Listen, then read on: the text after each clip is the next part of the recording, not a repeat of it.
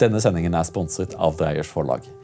Snarere enn å være eh, politiske på NRK, så er det mer, det er mer spesielt.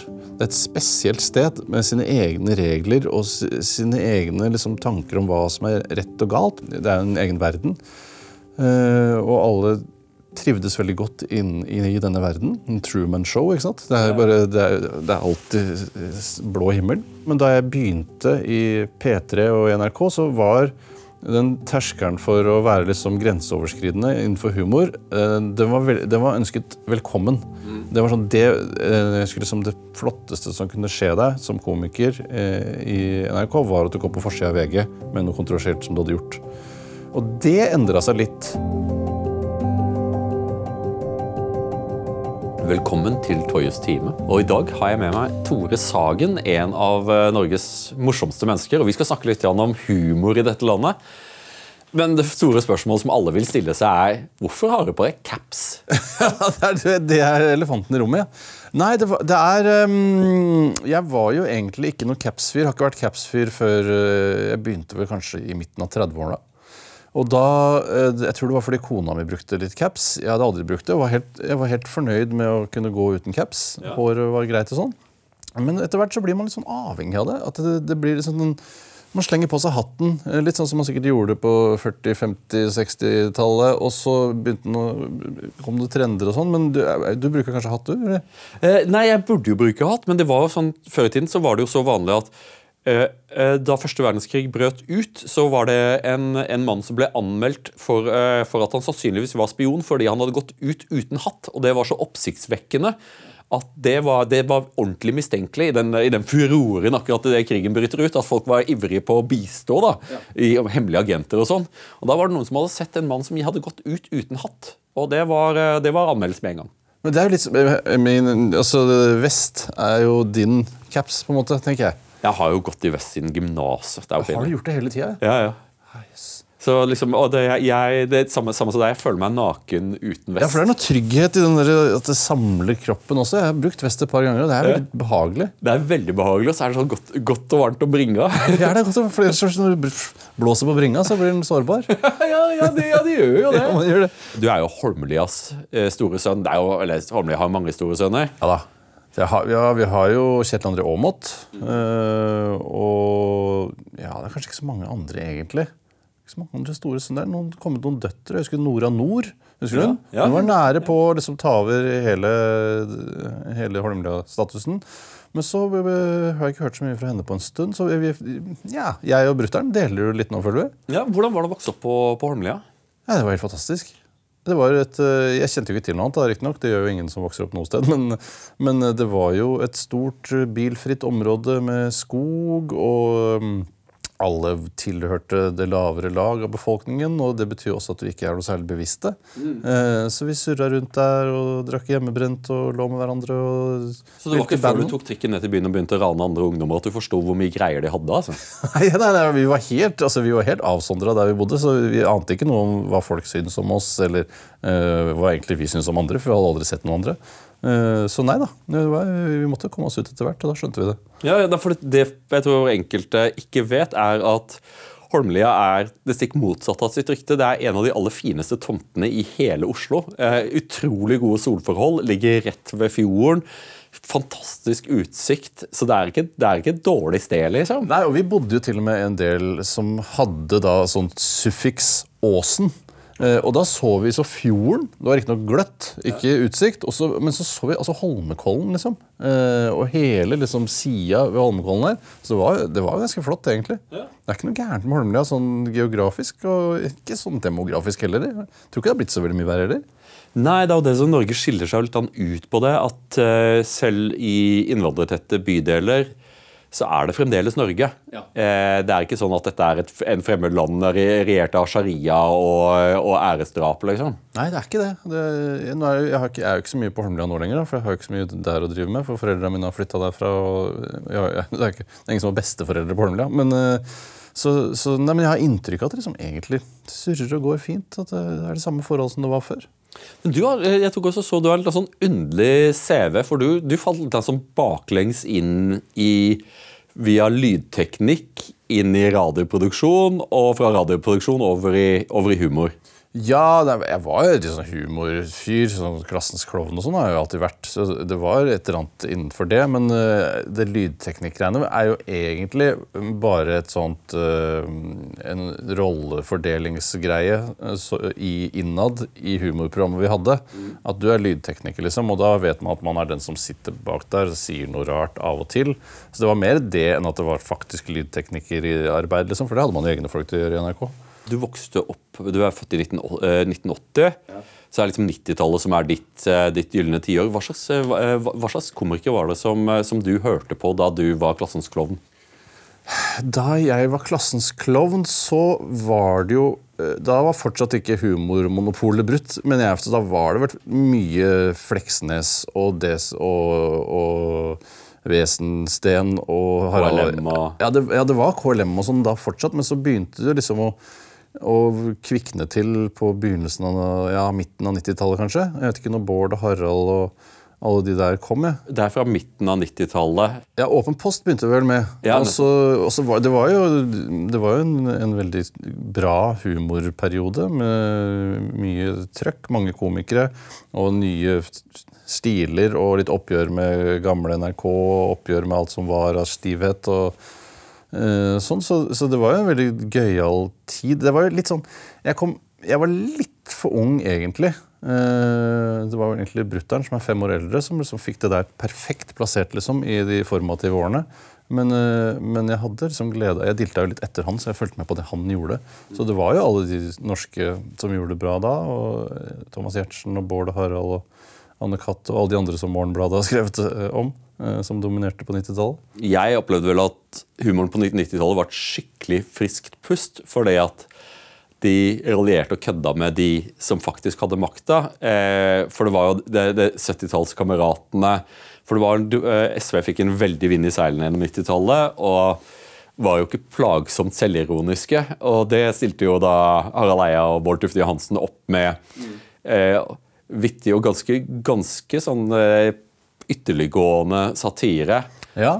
Eh, men er, liksom, hva, hva, skjedde? For Syns du at, at, humoren i Norge er like undergravende og, og, frekk som det den var da?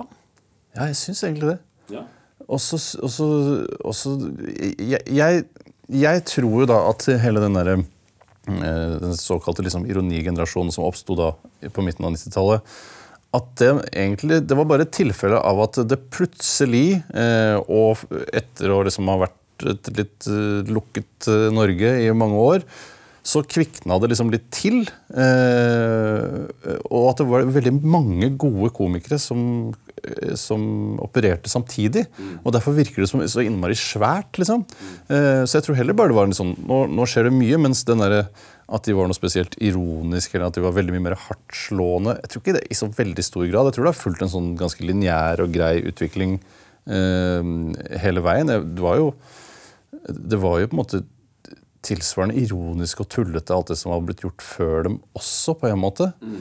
Um, og det ironibegrepet som jeg syns er litt sånn uklart hva som egentlig menes med i denne humorsammenhengen. Mm.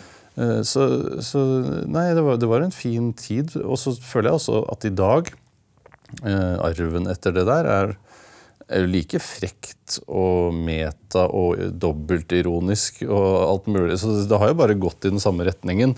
Mye sånn antihumor og Morten Ramm og hans eh, sted oppe på Soria Moria der er jo, det er jo enda mer skrudd enn det har vært, liksom. Eh, kanskje ikke så hardtslående. Sånn, ikke så mye samfunn, kanskje, fordi det er litt mer avantgarde. Det er kanskje litt vanskelig å finne det samfunn hvis det var noe samfunnsbudskap i bånn der. Men eh, like liksom frekt og rart.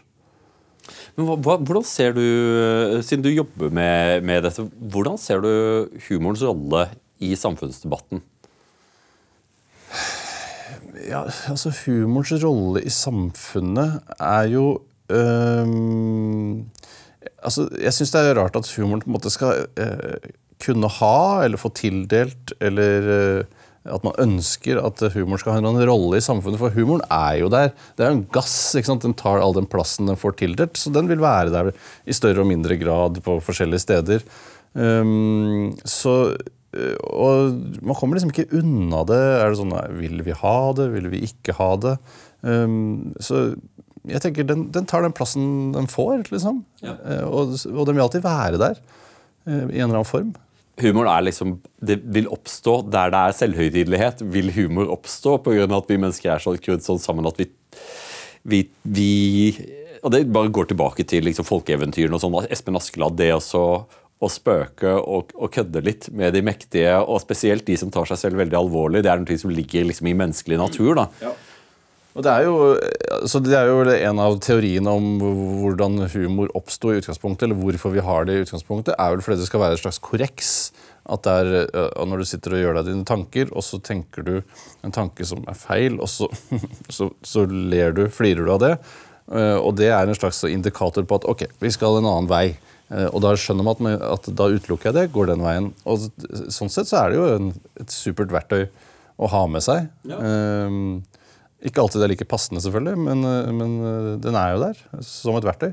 Humor er veldig viktig for, for menn eh, som ikke er veldig gode i idrett eller veldig pene eller, eller har studert medisin.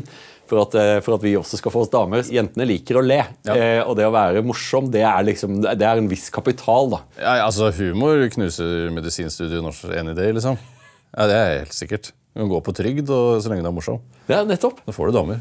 Ja, og det er jo liksom, så det, liksom, det finnes en mulighet også for de som ikke var skoleflinke eller suksessrike på andre felt. Så har humoren det, det, det, kan løfte deg litt. Ja, Den er fantastisk. altså. Når du, når du, får den til å svinge, så er det, det, helt utrolig, det er en utrolig ting. Hvis du kan tenke så langt tilbake liksom, som, som barn, var det første gang du liksom opplevde at jøss, de voksne ler når jeg, når jeg, når jeg drar på?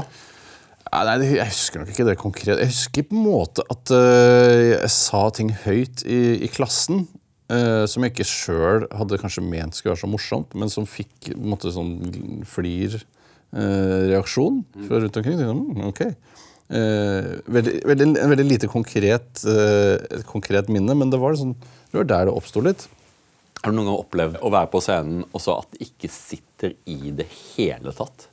Ja, ja, ja det har jeg. Uh, og, det, og, det, er um, Det er første gang jeg har opplevd det, for det har jo selvfølgelig skjedd flere ganger. Så, så, er det helt forferdelig. Da har du lyst til å slutte med det, og så bare gå på Bjørknes, ta opp noe fag, og så begynne å jobbe i departementet. eller et eller annet. Da vil man, gjøre noe. man vil gjemme seg bort. Da tenker jeg departementet er det stedet man kan gjemme seg best bort. Men, men, uh, og det er helt forferdelig. Men så skjønner man etter hvert at um, det er uunngåelig. Det vil komme tilbake igjen og igjen. Eh, fordi det er så mye som skal stemme når du skal stå på scenen der. Det skal være din dag, og så skal du ha tilstrekkelig energi. Du skal klare å, mm, å, fremføre det du skal si, som om du sier det for første gang. Mm. Eh, og det skal gjøres på en morsom måte, men du må ikke prøve å være morsom. Og så skal publikum eh, være riktig. Det skal være riktig demografi, og de skal være til riktig berusa på alkohol. Eh, og hvis ikke alt stemmer eh, i større eller mindre grad, så, så bomber man, som det heter. Som er, som er, det er en helt grusom følelse. For meg så er det den største angsten. For jeg, jeg lider så Jeg Både i New York og var en del på, på, på, på standup-klubber. Ja. Og det er et, et kjipt publikum pga. at folk går mye på standup, mm. og folk buer. En stakkar kan komme inn i en negativ spiral der eh, de forsøker å svare på hekling, og så går ikke det så bra, og så ler folk kanskje mer av den som sitter i salen og roper til deg. Mm. Og det er liksom det er, det er, virkelig som å se live den der drømmen om at du står naken på scenen og alle ler av deg liksom, fordi at du er naken, ikke fordi at du er morsom. Ja, nei, Det er helt forferdelig. Men jeg husker at det, det, var, det er ikke så lenge siden den, det var den um, ene filmen om Jerry Seinfeld som heter 'Comedian' kom. Mm. Uh, som er en sånn ganske gøyal, litt sånn, uh, litt sånn skitten dokumentar om at han, uh, etter å ha hatt kjempesuksess med serien og show, har lyst til å prøve å bygge seg opp et nytt show og starte på scratch liksom, med nye vitser. Og da starter han bare en sånn vanvittig prosess med å skrive små vitser, øh, dra på klubb, teste det ut, se om det funker. Og da ser du bare hvordan han, selv om han flyr med privatfly og kjører Porsche og er liksom en stor kar, så må han inn på de skitne, gamle klubbene, gå på, levere materiale, og så er det ingen som ler. eh, at han liksom, Det kan skje med han. Og da, da, da er det greit. Og du ser han strever og syns det er helt jævlig, og har liksom den samme holdningen til eh, det å være standup-komiker som alle andre småfolk eh, har. liksom. Det er, det er en helt forferdelig jobb. Det er verdens verste jobb. Men så er det jo også liksom det magiske når en komiker klarer å komme fram til en skikkelig skikkelig bra vits som er ny. Som ikke ser publikum, De ser det ikke komme, liksom. Og du får latterbrølet. Det, er, det jeg kan forstå at det må være, det må være veldig berusende. Ja, ja, det er jo det man søker hele tiden. da. Ehm, Så det er jo det å ha gjort en hel forestilling som man føler bare har gått mm, perfekt. Det, det blir jo ikke noe bedre enn det. Og så er det da den verste. Det Blir ikke noe verre enn det. Jeg forsøkte jo tidvis å være klassens klovn, og mitt problem var jo det at jeg visste aldri når jeg skulle stoppe. Jeg innkasserte ikke latteren, jeg skulle pushe det lengre og lengre og lengre.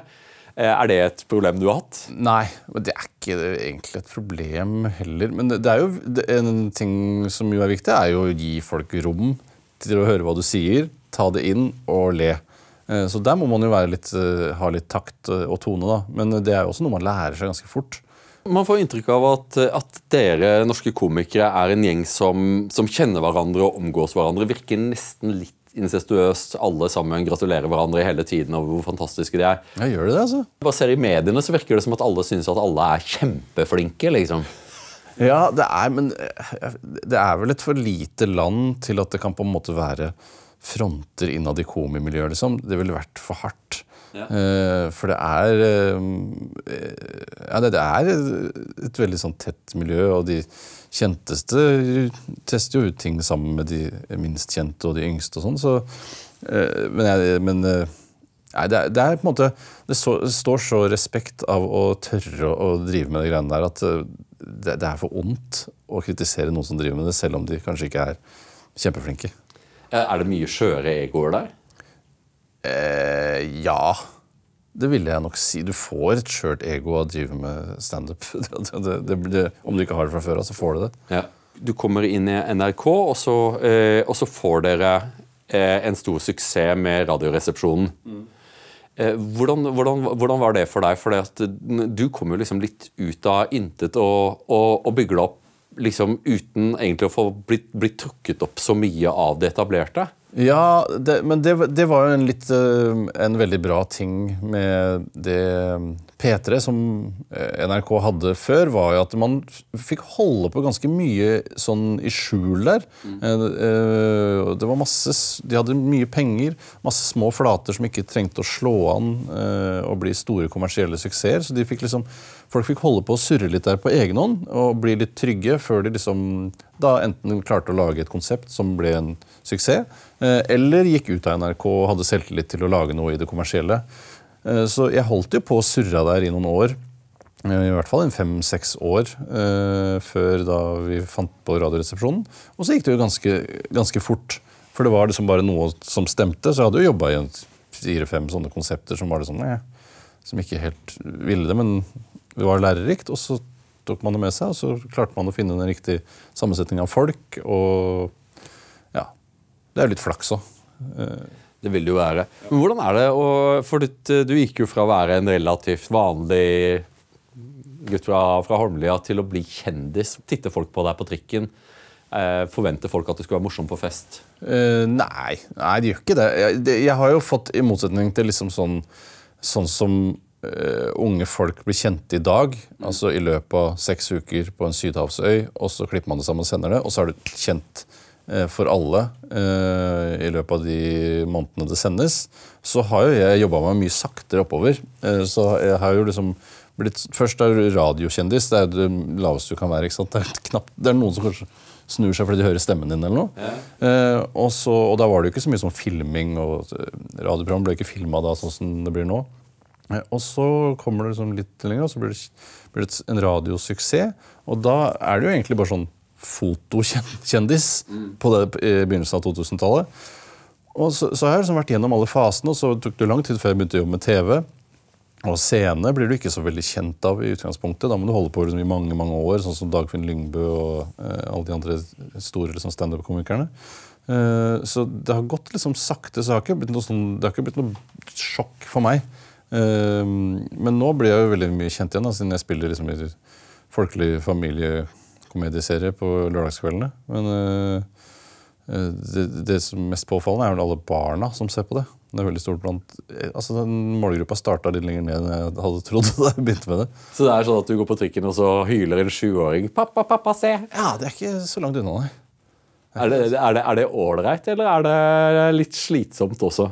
Det er litt slitsomt, men eh, det er vel Jeg husker ikke hvem som sa det, om det var lurer på om det kanskje var eh, Seinfeld sjøl som sa det at eh, det er slitsomt, men fordelen av å være kjent vil alltid veie opp for ulempene. Det er jo, men det tror, jeg, det tror jeg er riktig. Men selv, selv om jeg som, som en representant for landets C-kjendiser, så er det jo Enkelte dager så har du dårlige klær og dårlig hår og skal bare på Rema og kjøpe middag, liksom. Og det, det, er liksom det, det er alltid den dagen at noen har hørt en podkast og setter seg ned ved siden av deg og skal liksom virkelig begynne å, å drille. da. og så tenker du på hvem er du, og hvorfor lar du meg ikke være i fred? Liksom? Ja, det er deilig å være i utlandet, f.eks. Det er sånn shit, folk ser på deg på en annen Eller de ser jo ikke på deg, eh, men da ser man også den der skjulte oppmerksomheten man får. For det er jo sånn blikk og sånn som man egentlig ikke legger merke til. Mens du, hvis du drar til liksom, Berlin, så er det sånn Oi, faen, det er faen meg ingen som legger merke til meg. Eh, Så, så det er ganske stor kontrast, ja. men eh, også veldig deilig noen ganger. Denne sendingen er sponset av Dreyers forlag. Dreyers forlag gir ut mange gode konservative bøker, men en bok som vi skal reklamere for i dag, er Eric Kaufmanns 'Det hvite skiftet'. Det er til alt overmål en bok jeg har lest selv, og vil anbefale dere alle å lese. Det er en bok som forklarer mye av den sterke polariseringen vi ser i vestlige samfunn i dag. Med ganske overraskende funn, vil jeg si. Og Dreyers forlag har til alt overmål stilt opp med et ordentlig godt tilbud for eh, Minervas lyttere og seere, så klikk på lenken som ligger i beskrivelsen under.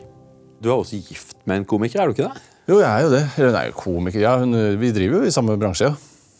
Jobber dere med ting sammen? Tester dere ting på hverandre? og sånne ting? Eh, Ja, vi skriver Vi er, har en åpen skriveprosess eh, sammen, ja. Eh, ja, hvis, ja, test, ja, vi gjør jo egentlig det.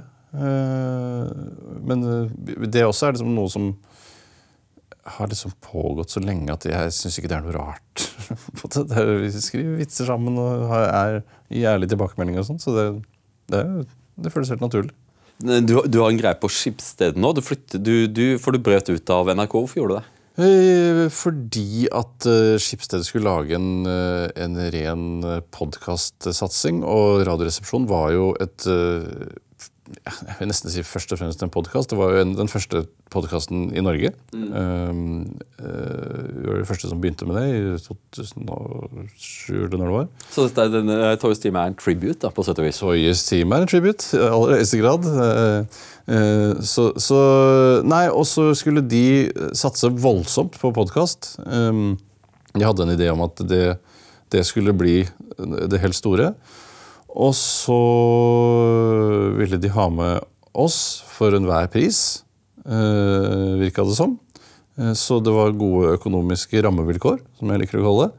Ja, det er, skal, ikke, skal, du skal ikke undervurdere gode økonomiske rammevilkår. Nei, jeg elsker gode økonomiske rammevilkår. Og en, eh, en eh, vilje til å satse veldig hardt på dette, da, som var veldig kult. Og de ville bygge opp et miljø. Og nå er det jo nå er det jo ganske bra kok der, med alle de Særlig innenfor humor foreløpig, da, så er, det, så er det mye bra i Podmy, da, som det heter. eh, Skipsted sin podkasttjeneste. Og så er det sånn Men det var jo det er jo vemodig å dra fra NRK, for det var jo et nydelig sted å være. liksom. Men du kan jo, når du først har fått tillit der, så kan du sitte og pludre for deg sjøl.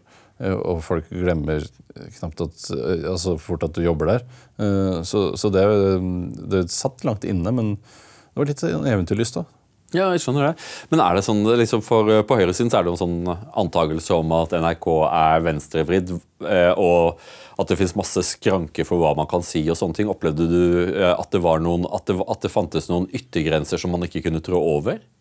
Ja, det er jo, jeg tror det er veldig opphausa av, av, din gjeng, hvis jeg kan kalle det det. Eh, Det, det er nok et det, det føles i hvert fall ikke sånn. Jeg, jeg føler meg jo ikke tilknytta noen sånn veldig politisk blokk på noen måte. Jeg tror det ville være veldig dumt for en, for en komiker å knytte seg til noe politisk. Det, jeg tror det er slutten. altså. Mørkeblå komikeren, ja. Nei, nei så, så, så vi jeg har, aldri, jeg har aldri hatt et problem med det i NRK, nei. De, de, er, de var liksom Snarere enn å være eh, politiske på NRK, så er de mer Det er mer spesielt. Det er et spesielt sted med sine egne regler og sine egne liksom, tanker om hva som er rett og galt, på, på en måte. Jeg, klarer ikke å gi noe konkret eksempel på, men gjennom mange år så, og, så, så, ble jo det naturlig for meg. Det er det eneste stedet jeg har jobba. Mm. Jeg jobba der i 20 år, fra jeg var 19 år. liksom. Så jeg tenkte at sånn var det. Eh, for det er jo et sånn lite samfunn, og man internfakturerer, og du betaler for ting du kjøper, og du har en egen kanti. Alt det er, det er en egen verden. Uh, og alle trivdes veldig godt inn i denne verden. En Truman Show. ikke sant? Det er, bare, det er, det er alltid blå himmel. Uh, men Og da Så det er egentlig mer litt sånn trender jeg vet ikke helt hva som avgjorde det, men da jeg begynte i P3 og i NRK, så var den terskelen for å være liksom grenseoverskridende innenfor humor, eh, den var, den var ønsket velkommen. Mm. Det var sånn det, eh, liksom det flotteste som kunne skje deg som komiker eh, i NRK, var at du kom på forsida av VG med noe kontroversielt som du hadde gjort. Og det endra seg litt etter hvert. Eh, etter at du kom inn, så endra det seg? etter, etter, at jeg, jeg, kom inn, og liksom, sånn utpå 2000-tallet, så ble det på en måte mer sånn Så var det jo noen endringer der. Det var sånn der, Dere kan godt gjøre hva dere vil, liksom, men vær litt forsiktig. Uh, og det var jo mye liveproduksjon. Vanskelig å redaktørstyre alle disse tingene. så man gjorde ting som man syntes var gøy, og så håpa man at det gikk bra i ettertid. Sånn var det mye, og sånn må det nesten være. Uh, og etter hvert så var det sånn, ja, så endra det seg bare litt mer sånn. Vær litt mer forsiktig. Tenk litt gjennom. Vi skal ikke bestemme hva dere skal gjøre, men uh, vi skal forsvare dere uansett, men, men vær litt forsiktig. Så det, det, har vært den eneste endringen jeg har merka akkurat når det kommer til de tinga der. Men jeg husker jeg hadde jo en, en, et kontroversielt innslag som skapte mye oppstuss. Og da var altså, NRK så støttende og søte og greie. Og de... Fortell om den saken. Nei, eh, ja, det var jo da det var, eh, Jeg skulle lage Vi hadde en konkurranse i Radioresepsjonen som, som het Flauhetskonkurransen. Hvor man skulle lage noe som det var med å gjøre det så flaut som mulig. Og Vi var tre stykker da som konkurrerte mot hverandre. Og da um, Vi var innom mye. Det var sånn der Bjarte hadde skaffet en sånn, en sånn Z-penis som ble brukt i Exit-serien. Hvor han har sånn stå i den ene scenen. Den klarte jeg å skaffe fra han som hadde laget den i Tønsberg. Og da kom han inn med den, eh, og, så, ja, og da visste ikke min bror om dette. Han ble veldig veldig flau av det. Mm. Og så skulle vi overgå hverandre fra uke til uke. Og da eh, fant jeg på den ideen at jeg Det var en litt knotete eh, vei inn, men jeg hadde liksom funnet noen gamle eh, Et gammelt manifest, ish, eller noen gamle notater som jeg hadde skrevet fra tida da jeg liksom var rasist. At jeg har en mørk, mørkebrun fortid. Og så skulle jeg liksom lese opp de, og det skulle bare vise at det, det skulle liksom være flaut, og at det skulle liksom være ekte, på en måte. Eh, for å gjøre det mest mulig ekte. Uh, og da leste jeg opp da, som et slags sånn rasistisk manifest, som for øvrig også var, det var veldig kritisk til um, Det var også klimaskeptisk. Det var to ting liksom, skulle være, og det tenkte jeg det skulle være ekstra flaut. Og så uh, Og det gikk for så vidt greit. Jeg syns det var ganske morsomt. Uh, og så gikk det noen dager, og så eksploderte det jo fordi at noen, for øvrig en komikerkollega, uh, Jonis Josef, hadde tatt bare denne biten mm. som, hvor jeg leste fra dette, og lagt ut det alene.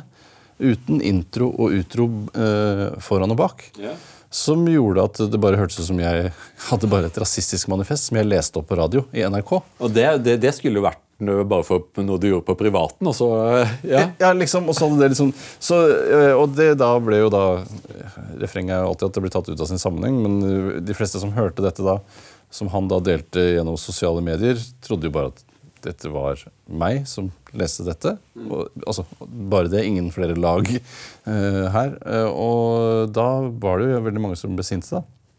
Uh, først jo da uh, pga. denne misforståelsen. og etter hvert så ble jo debatten litt sobrere, for man skjønte jo hva det var egentlig som hadde skjedd. Men så ble det på en måte, det meste av diskusjonen handla egentlig om at eh, jeg i denne framførelsen av rasisme brukte N-ordet. Eh, eh, Tenk det at, at vi har kommet dit at det er N-ordet på norsk også. ja, det er det. det er, og jeg, jeg tar på meg æren for det. Ja, du, du var mannen som tok tok fra oss Ja, eh, det tok det siste, det siste rykket liksom, for å få oss ut av uh, Få oss er over til N-ordet. Si Nei, det er ikke lov å si lenger. Nei. Men det var, da jeg var ung, så var det lov å si det. Ja, det. var lov å si, men, det- men eh, nei, det, så det, jeg, jeg tar på meg æren for det. Men jeg var egentlig ganske imponert over hvordan du håndterte det. Jeg gjorde det. Eh, Nei, faktisk fordi at eh, eh, det var jo så massivt. Det var, jeg tror jeg sendte deg en melding også. for dette Ja. liksom ting eh, Det er jo sånn i ordskiftet i dag at eh, det første man gjør, er å bare miste alle proporsjoner. Og liksom at det, var noen voldsomme karakteristikker av deg, og, og, det, og det var massivt, og alle var enige, og det var liksom et voldsomt kjør, og så klarte du å holde hodet kaldt. Så du løp ikke og tygget om tilgivelse og, og ofret i de riktige templene og, og, og sverget at du har ikke tenkt en rasistisk tanke noensinne. Og det siste man skal gjøre, er å kaste noen, en annen stakkar under bussen eh, for å liksom ta han. Han er verre enn meg. Men du gjorde ingen av de greiene. Jeg syns det var litt fint, egentlig. Ja, nei, det var, jeg, er ganske, jeg er godt fornøyd med, med, med hvordan eh, jeg selv klarte å håndtere det der. Det var jo, eh, den Diskusjonen gikk jo mye på om vi skulle avpublisere det eller ikke. Eh, og NRK eh, var jo ikke interessert i å avpublisere det i det hele tatt. Eh, men jeg ville gjerne det fordi at det, der og da så var belastningen så stor at kan ikke bare, bare ta det vekk. Er det så farlig? Ta det vekk nå. Eh, og da sa jeg sånn altså, du er jo Nå er det, føles det kanskje litt ille, liksom, men det vil jo roe seg, og det er bedre å la det være. Og så sa jeg nei, vi, vi, vi tar det vekk. Uh, og da følte det føltes riktig der og da, men, og det føles helt greit nå, men det var sånn Kanskje Kanskje at det burde bare vært, blitt værende. Jeg syns jo det, da. Eh, For det, det, eller dette er jo Det, det regner jeg med at du syns. Nei, men egentlig, nei, Det handler ikke så veldig mye om den, den saken. Det handler om noe mye bredere. Den, den greia med avpublisering eh, Det har skjedd. Eh, vi har debatten om det. Eh, å fjerne da kasuset som vi har diskutert, om det er en dårlig kronikk av meg eller eh, liksom, Jeg har også bomma, liksom. Men jeg mener at det skal få lov til å forbli i, eh, i offentligheten pga. at det inngår i en mye bredere kontekst som eh, eh, så det er fint å kunne gå tilbake og se det. Eh, og, disku, liksom, og diskutere, For det er også mulig, det er jo tenkelig at den, at den vitsen der kommer til å oppleves som hylende morsom om ti års tid. Hvem vet, liksom? Eh, for, for samfunnsnormene er jo kontinuerlig endring. Vi er forbanna snerpete akkurat nå, syns jeg. Men jeg har jo levd i tider da vi var langt mindre snerpete. Sånn som på 90-tallet. En del av de greiene som Bård Tufte Johansen og Harald Eia gjorde, var så grenseoverskridende også i, i forhold til å kødde med seksuelle minoriteter. Det kan, er vanskelig å gjøre nå. Eh, Rase, det kan du ikke gjøre nå. Eh, Det var, det var veldig fritt på 90-tallet. Og der kommer du tilbake til den greia med humorens funksjon. og Jeg tror at det er en del folk som ikke helt forstår hva humor er. Eh, For jeg tror at det er en del folk som tror at de tingene du sier fra scenen, er det du egentlig mener. Mens slik jeg, jeg tror at de fleste, de eh, fleste komikere er bare ute etter latteren. Det er det som er poenget her. Ja, og det er jeg helt enig i. Altså, først det med avpublisering, så er jeg, jeg er jo for så vidt enig i det. Altså, som, eh, som et historisk dokument så er det jo best at det ikke blir fjerna.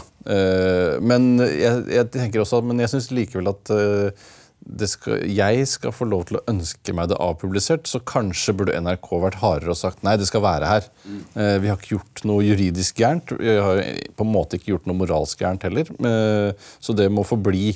Eh, men eh, jeg syns jo det var deilig at de ville høre på meg, da, på en måte. Men jeg, er litt enig. Men jeg er også helt enig at humor er jo eh, er jo bare en Som vi snakka om innledningsvis Det er jo ikke en det er jo en kraft som ikke tar hensyn til noe.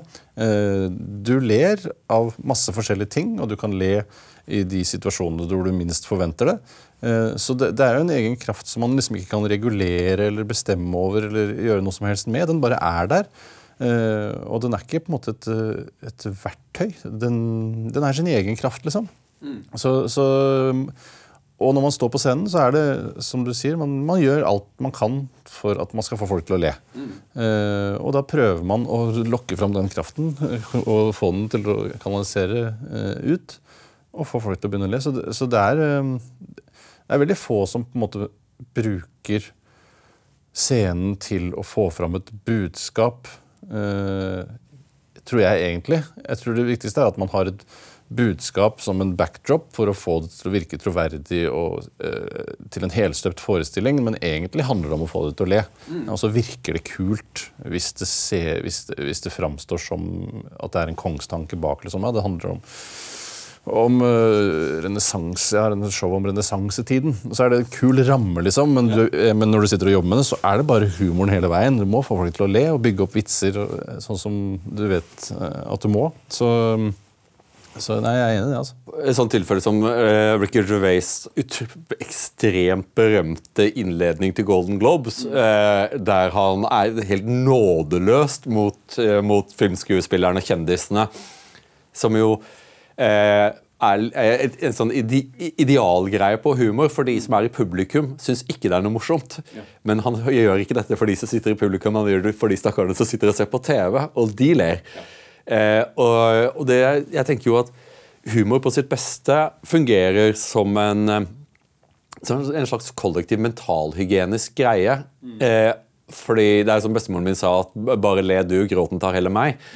Enkelte ting er sånn at det blir, er så alvorlig at, eh, at, at du blir litt av sånn Nesten eh, du beklemt, og det er, det er tungt, liksom. Og, så, og latteren er liksom den, Det er frelsende på sett og vis. Da, at du liksom unnslipper det. Men det er jo også en stund så hadde vi en forståelse i samfunnet om at eh, det er lov til å kødde med alt. Men sånn er det vel ikke helt nå lenger. Jo, det er lov til å kødde med alt, men, øh, det er ikke, men det at det er lov til å kødde med alt, er ikke det samme som at alle vitser er lov.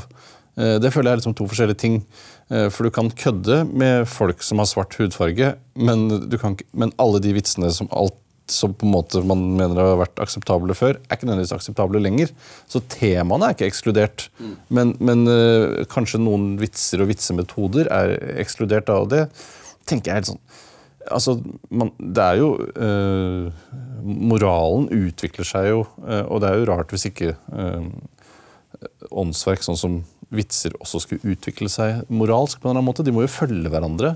Eh, sånn som det, altså, det var sikkert helt andre vitser eh, da slaveriet var tillatt i USA, eh, som på en måte ble sett på som akseptable da i den tiden. Men eh, temaet er jo der fortsatt, men vitsene er ikke tillatt lenger. Så jeg føler at man må liksom skille litt på de to tingene, har jeg tenkt i hvert fall. Ja, og så er det jo så, du, Jeg tror du har helt rett i at eh, liksom det finnes alltid en kulturell kontekst. Eh, og enkelte ting Hvis du støter for mange, så er det jo ikke morsomt. Eh, og, men det er jo det å finne akkurat den skjæringsflaten der eh, du, er, eh, du er litt på kanten, eh, og kanskje litt over kanten også, samtidig som at ikke noen eh, liksom blir ordentlig, ordentlig lei seg. da. Ja, det, Men det som egentlig jo er bra eh, ved at denne kanten er mye lettere å, å komme fram til, er jo at eh, kanten er jo der uansett. Eh, så edgy kan det jo være uansett hvor kanten er. Det er bare at du må passe på å finne ut hvor, hvor- hvor du står i forhold til kanten. Eh, så, så den derre at det skal være noe vanskeligere å vitse og tøyse nå enn før, det, det opplever jeg ikke helt. Eh, men man må tilpasse seg liksom litt, eh, og det kjenner man jo på når man er på scenen og driver på radio og podkast og sånn. Så får man jo tilbakemeldinger, man føler jo på det hele tiden. Man, eh, man lever jo i samfunnet, liksom, så man plukker jo opp hva det er man kan gjøre nå. Eh, men det er alltid en eller annen måte å vitse om et tema på. Eh, Altså, Det finnes jo temaer som kanskje ikke er så gøyale å lage vits altså, sånn, jeg vet ikke, sånn Big Bang, for eksempel. Så- Det føler jeg er vanskelig å lage Ja. vitser på. Men, eh, men, det- men ekskludert er det jo ikke. Nei, eller eh, du sikter da til hendelsen, ikke til showet. Ja, til hendelsen, ja. Riktig. BBC hadde jo en, hadde en konkurranse der de skulle finne verdens morsomste vits. Eh, og BBC er jo rimelig politisk korrekte, så liksom det de kommer opp med som er verdens morsomste vits, uh, tror jeg var uh, En mann ringer nødtelefonen, han er ute i skogen med med, med, med en kamerat på jakt, og, og kameraten har fått hjerteånde. Og så, og så er det et eller annet med at de på telefonen sier liksom ja, du må, du må sjekke om han fortsatt puster, og så hører de lyden av et skudd, og så kommer, og så kommer tilbake. Han puster ikke. Jeg, Ja, det er noe sånn, og så Er du sikker, eller noe sånt? det ikke det? ja, da? ja, er du, si- ja. ja. Vitsen var i hvert fall ikke verdens morsomste Nei, det var, det var, det var, jeg husker det. Det var merkelig hvorfor eller, jeg vet ikke, Var det jurybasert, eller var det Et- Jeg tror nok at det var fordi at BBC ville da ikke ha noen vitser som, eh, som eh, handlet om kjønn eller rase eller, eller noen ting som er morsomt. Og da ender man opp med sånn pappahumor, da, eh, som er mer sånn humrende. For en ordentlig god vits er jo Det skal, være, det skal ha bitte lite kjerne av sannhet, bitte liten en, men det skal også være eh, du må, må spøke litt med det som ikke er lov til å si. For, og så er det problemet med at eh, hvis alle sammen ler av en smårasistisk vits, så, er, så blir det i seg selv litt sånn kleint. da. Ja, ja det kan. Altså, Hvis alle ler av en smårasistisk vits, så betyr det jo egentlig at den er morsom. Eh, tenker jeg. Eh, Og at den kanskje til og med fortsatt da er eh, moralsk innafor. For hvis alle ler, så For humoren er jo kongen, liksom. Ja. hvis alle ler, så er det morsomt. Men om det er greit moralsk, det er jo kanskje en, kan jo være en egen diskusjon også. For det, det, er jo også mulig å lage vitser for et sammensatt publikum som er, eller som ikke, som er Altså, Hvis du tar eh, standup for Minerva, da, så eh, da veit du jo hva du har å forholde deg til. Eh, Du kan gjøre andre ting der enn du eh, kan gjøre i, når du skal ha standup på Utrop eller Antirasistisk Senter sin greie. Så er det noen der små Det er, det er de samme hovedgrensene, men det er små regionale forskjeller. For Ja, jeg tror jeg kan garantere at liksom standup på, på Minerva ville være helt uten grenser. Jeg tror Jeg- Ja, ok, er- jeg, tror at jeg tror at det ikke finnes egentlig noen, Ja. noen grenser. Eller naturligvis kan du ikke kødde med Erna. det er det, men utover det så er det bare den hyllesten av ytringsfrihet som man ler av alle vitser nesten uansett hva det er. Ja, ja, eller i hvert fall allting som er drøyt. For dette, eh, det, det er liksom For å skryte av de konservative Det er jo en veldig forkjærlighet for ytterliggående drøy humor. Eh, mens jeg snakket med en av, en av dine kolleger som skulle gjøre standup for SV. og fikk da, Hun fikk da presentert en liste over ting som det ikke var lov til å spøke med. fordi at det var så mye brytninger i partiledelsen. Og, så, var det liksom, så fikk de tolv punkter over ting som hun ikke skulle vitse med. da. Eh, og da sa hun at det var, det var en vanskelig gig, for hun klarte ikke å tenke på noe annet enn de tingene som hun ikke skulle vitse om. Samtidig hadde hun lyst til å få betalt. Ja, det er det. Ja, ikke sant? Er det penga som rår òg. Har du noen gang vært i nærheten av å bli kansellert? Nei, jeg, jeg, jeg har, det har jeg aldri blitt. Altså, det nærmeste må jo da være at veldig mange reagerte veldig kraftig på det, det som jeg gjorde den gangen i NRK. Men øh, Og da jeg, jeg, jeg kjøper ikke helt det der kansellert Jeg skjønner ikke hvem det har blitt, eh, som har blitt kansellert. I hvert fall ikke i Norge. da. Jeg skjønner at det kanskje er noe som syder og koker borti USA, men det er jo ingen som har blitt kansellert i Norge. Og den som foreløpig eh, har kommet ut med styrke av Atle Antonsen sin hendelse, er jo han sjøl. Eh, for, for Sumaya har vi ikke hørt noen ting fra.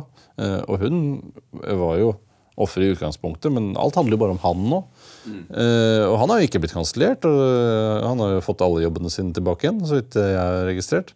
Så den type kansellering som Minerva snakker om, den, den kan ikke jeg se har kommet til Norge ennå. Men det er mange bunner i den kanselleringsgreia. eh, så, så tar USA så er det en del komikere, Chris Rock og andre, sier at de ikke gjør gigger på universitetet lenger pga. at man får forelagt seg en lang liste over ting de ikke er lov til å vitse med. De liker ikke det, og samtidig som at det er eh, at, folk bare blir så forbanna lettkrenka.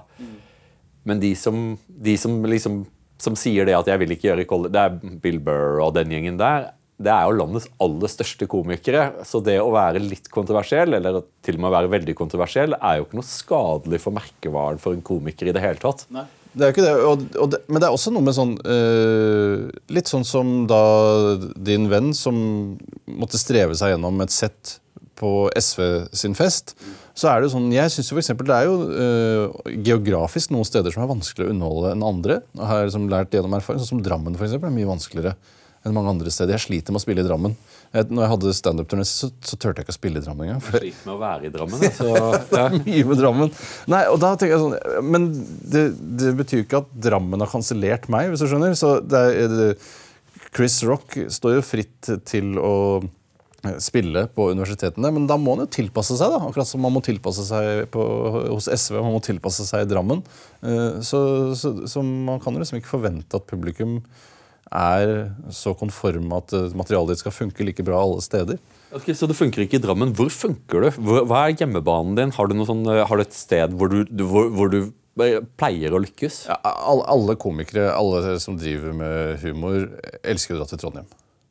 Ok. Ja, Trondheim er liksom fri. Da er du trygg, liksom. Og det er en sånn Sikkert en kombinasjon. Det er mye studenter der, men det er jo mye studenter mange andre steder òg som ikke nødvendigvis fungerer like bra. Men, men Trondheim er, er jo på en måte en slags sånn litt sånn lukket liten sånn, Det er en liten folkehøyskolestemning i Trondheim eh, blant alle som bor der. Eh, studenter og fastboende og alt. Så det er, det er en sånn derre trygg liten sånn Det er som å komme hjem til familien sin liksom, og dra til Trondheim, selv om jeg ikke har noe særlig tilknytning til den byen. Men eh, Trondheim er og Samfunnet og, Olavshallen og overalt. Du kan spille hvor som helst i Trondheim, og det er alltid gøy. Trondheim er bra. altså. Så jeg var oppe i går og gjorde en podd med Marianne Martinsen. Og så, og så sitter vi og prater om, eh, om Trond Giske og de greiene der som er Det er, er kinkelig og det er, det er vrient og det er vondt for Arbeiderpartiet. og og så utrolig ålreit publikum. liksom, for det, liksom, det var ingen som var ute etter å misforstå, det var ingen som var ute etter å bli sure. Eh, og, liksom at, og publikum var liksom på lag. da. Selv om de ikke nødvendigvis var enig i allting som ble sagt, eller spørsmålene som ble stilt, og sånne ting, så var det liksom at vi, med følelsen av at ja, vi, er, vi er i dette sammen. At alle sammen liksom Ja, Det er en veldig kollektiv, god kollektiv følelse der. Jeg føler Publikum er alltid sånn der Vi er her for å bli underholdt. Det er ingen som sitter liksom litt tilbakelent og med nesa i sky. liksom. De er liksom så ærlige og hudløse.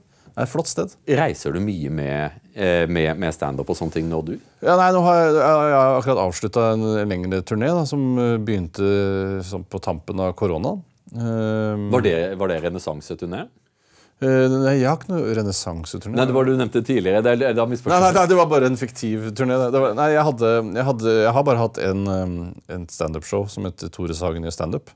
Uh, siden jeg liksom alltid har vært litt sånn ikke så standupete i det jeg har gjort. Og kanskje kritisert standup eh, norske standup-komikere litt og sånn da vi jobba i radio, for det var så trygt og godt å sitte inne i studio der og gjøre narr av andre.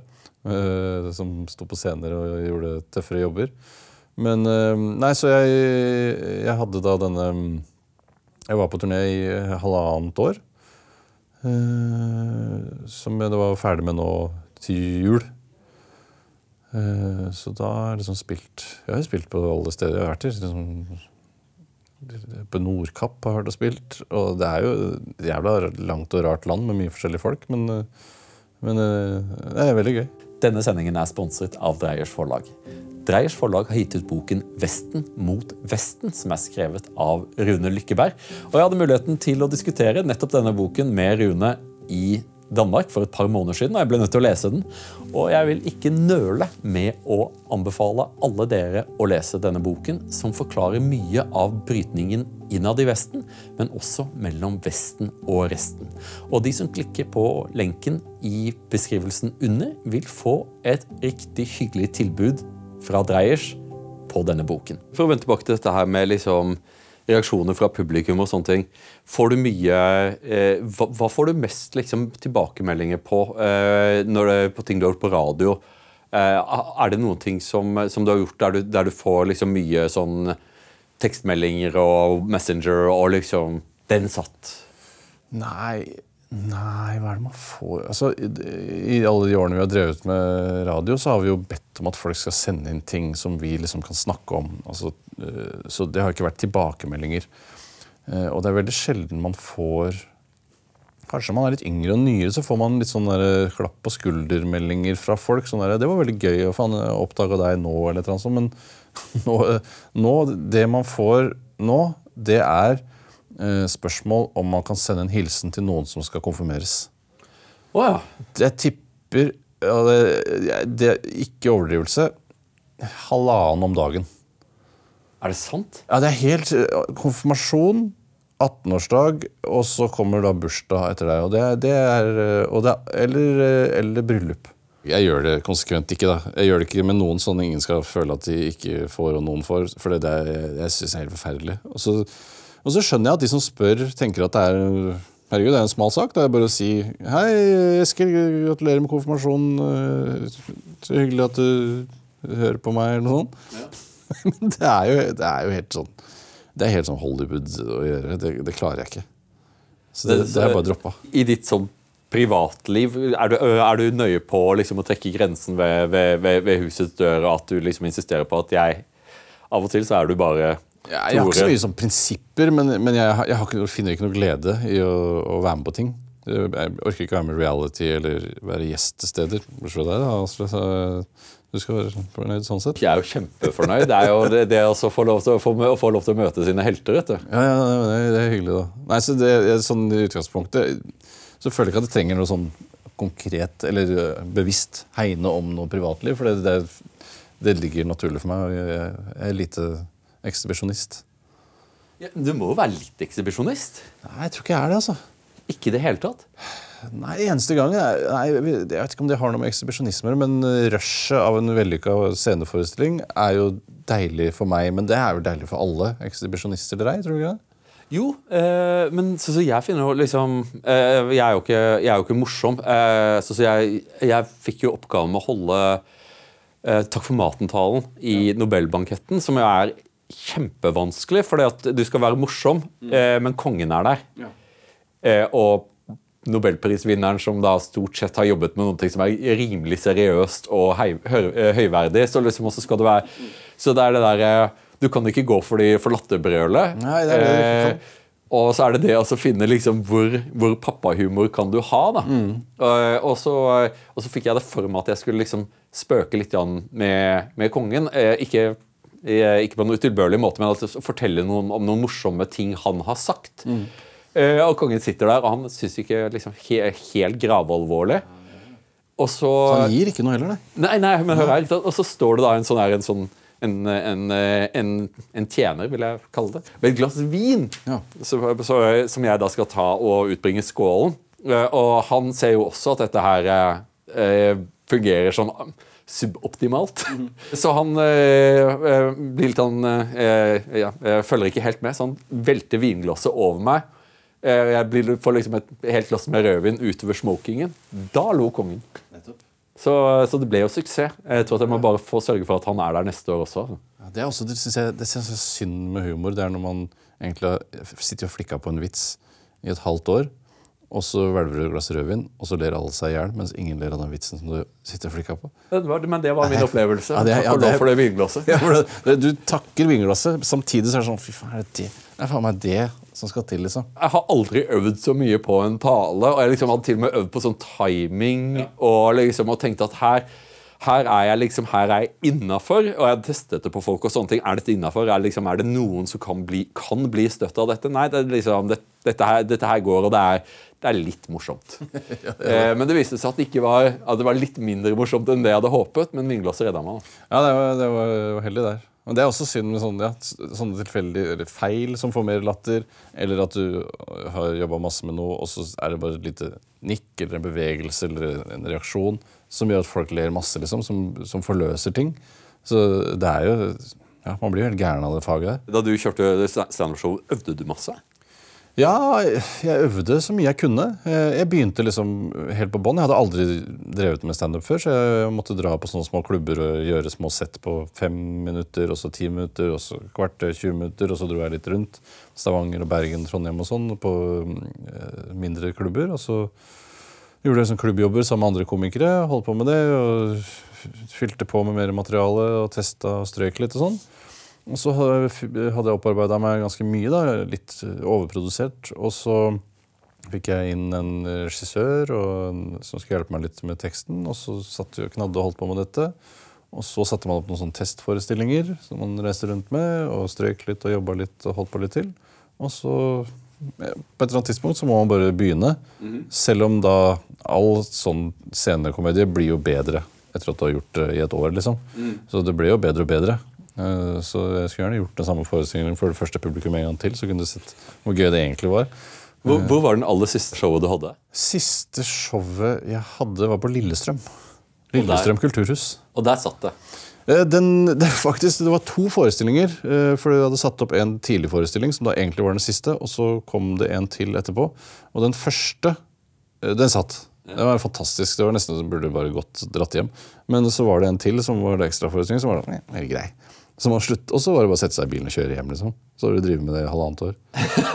så det var liksom, Hvordan var følelsen da du satt deg i bilen og kjørte hjem? For det går litt igjen på det der greiene med at du må ha tenkt at fader, jeg skulle, jeg skulle, skulle stoppet da jeg hadde den der gode Den der telemarksnedslagsfølelsen, liksom. Ja, det var, det var litt synd. Det var, det var ikke så gæren den siste, altså, men det var bare sånn Det var noe sånn der, det var noe stemning i den første der hvor det var liksom Virka som folk skjønte at det egentlig var den siste. Selv om det egentlig ikke var det. Men, øh, men da, så, så man, da, da, da kjører man hjem med litt sånn terningkast fire-følelse. Terningkast fire. Det er, det er beskrivelse av alle mine bøker. da. Ja, ja, det, er, det er ofte man føler seg terningkast fire. da. Det er den vanligste terningkastfølelsen å ha, tror jeg. det er det. Eh, nei, Så da er det sånn Ja, ja, yes, da var det ferdig. Eh, yes, nå må vi begynne med noe nytt. Ja, hva er, hva er det til middag i dag? Ja, det er det. Og så er det, å ja, faen, ungen har ikke lagt seg. og Sånn, ja. så er, det er, ja, det er hverdagen. Kommer rushende tilbake. Hvordan klarer du det, liksom det å, å komme tilbake fra show? For det, det er jo noe som alle artister har. At når det har gått bra, eh, så er det jo veldig berusende. Og du er så stappfull av endorfiner, og du føler deg, som, du føler deg virkelig bra. Litt vanskelig å liksom tre tilbake inn i liksom familievirkeligheten. Ja, det er det, men eh, da kommer man litt sånn seint hjem hvis man kommer hjem i det hele tatt. da. Ofte bor man jo i andre byer, og sånn, men da kommer man hjem, og så drikker man øl. Og så er man litt sånn der man er, øh, Ja, du har de endorfinene, men så har du lyst til å bare lukke deg litt sånn inni deg sjøl, og så sitter du på mobilen, og det, er du bare, da, hele kvelden bare råtner bort i alkohol og selvforherligelse. Ja, men det, Men det er deilig. Alkohol og selvforherligelse kunne vært en bra tittel for, for, ditt neste, for ditt neste show. Ditt neste terningkast 4-show? Ja, ja som eh, ja, har, du, har du noen planer om å, om å lage en, en ny serie? Ga det nok mersmak til at du, at du vil legge ut igjen? Ja, absolutt. Eh, og så er det jo da også når du liksom har først låst et materiale som du skal reise rundt med, så elsker du det materialet i starten, og etter hvert så er det sånn Begynner du å bli liksom mett av det. For jeg, jeg hadde, jo- jeg hadde 90, 99 forestillinger. Klarte av en grunn ikke å bikke 100. det var en nedtur, egentlig. Men, eh, nei, og da er det sånn åh, Nå hadde det vært digg å kaste alt og begynne helt på nytt. Men jeg er helt sikker på at du, det finnes sikkert en, en, en eller annen komf eh, i Oslo som, som, der, der de er mer villige til å høre show. For å bikke den siste. Ja, nei, jeg- kanskje, kanskje det blir en komf, ja. Det kan være det. For å vende tilbake til det overordnede temaet om, om humor i det norske samfunnet. For jeg tror at vi er enige om at humor på en eller annen måte er viktig, selv om det er eh, litt vanskelig å si hvorfor det er viktig. Ja. Det er fint at mennesker ler, det er bedre enn at de gråter. Eh, og, og du er av den oppfatning at, eh, at, at rammene for humor ikke har blitt, eh, blitt, blitt trangere eh, med årene. At, at man fremdeles kan, kan spøke med, med alt, men eh, at det egentlig ikke er noe særlig problem. Kulturen endrer seg, det må man forholde seg til. Ikke noe å grine over. Ja. Men hva tenker du til liksom, For du ser en del av de, av de virkelig, liksom, virkelig storhetene, altså Ron Atkinson og John Cleese. De beklager seg jo veldig over hatlover og liksom det forsøket på liksom å, å regulere tale. da. Eh, for, og, og argumentere for at, at, eh, at humor, eh, eller komikere er de første ofrene for ethvert et forsøk på å innskrenke ytringsfriheten. Går på humoren løs, og det er skadelig. Er det bare fordi at de gutta har, eh, de var morsomme i et annet tiår, og at de ikke er så i kontakt med tidsånden at de klarer å treffe planken lenger? Ja, kanskje Det, er, det er vel litt sånn derre samme som man opplever Hvis det kan være en eller annen analogi. Når man er barn, så prøver man å minne seg selv på hvordan man ikke skal være når man blir voksen. Eh, og så blir man voksen, og så har man stort sett glemt det. Så er man bare en helt sånn streit voksen, sånn som de voksne var. Uh, og da er jeg helt sikker på at den lille gutten som er inni meg var sånn Du klarte ikke å holde på det! Du skulle jo være kul! Far, du vet jo hvordan det er. Du vet jo hvor kontroll jeg egentlig hadde som barn, og hvilke friheter jeg egentlig kunne fått. Og det hadde ikke gått gærent. Uh, og jeg føler at det er litt sånn med John Cleese også, at hans unge eh, humorpersoner burde sagt at du må ikke bli bitter og gammel. Eh, du må bare holde deg for god til det. Trekk deg heller tilbake.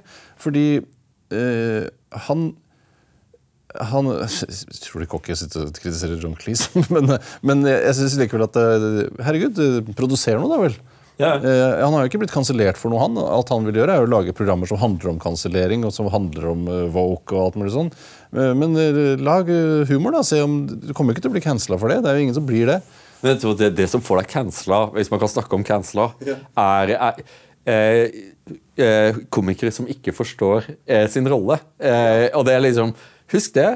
Det er litt en komiker. Poenget er å få latteren. Eh, vi er, Det er ingen her som er her for å få høre om dine politiske oppfatninger eller klimatrusselen og allting som er alvorlig. og det er liksom, jeg tror at det er, det er den største trusselen. er liksom Den selvhøytidelige komikeren som tror at den kapitalen som du er et kjent menneske, det er mange som kjenner, og liksom å tro at det er en såpeboks der du kan komme med med innspill i den politiske debatten, det tror jeg er drepen. Jeg tror også det er, det er det, kanskje den største risikoen uh, for kansellering, er nok det. ja. Det, det, er helt riktig. Så, men, men, med forbehold om at dette er ekte problemer i USA og, og kanskje i Storbritannia for den saks skyld. Uh, men i Norge, så, og for min egen del, min oppfatning av det, jeg, jeg, skjønner, ikke, jeg skjønner ikke hva det er snakk om engang.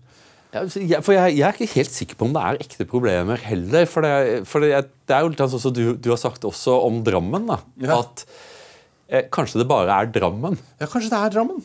Ja, at, at, at, Selvfølgelig så gjør det vondt i følelsene eh, når folk ikke syns at materialet ditt er morsomt. Ja.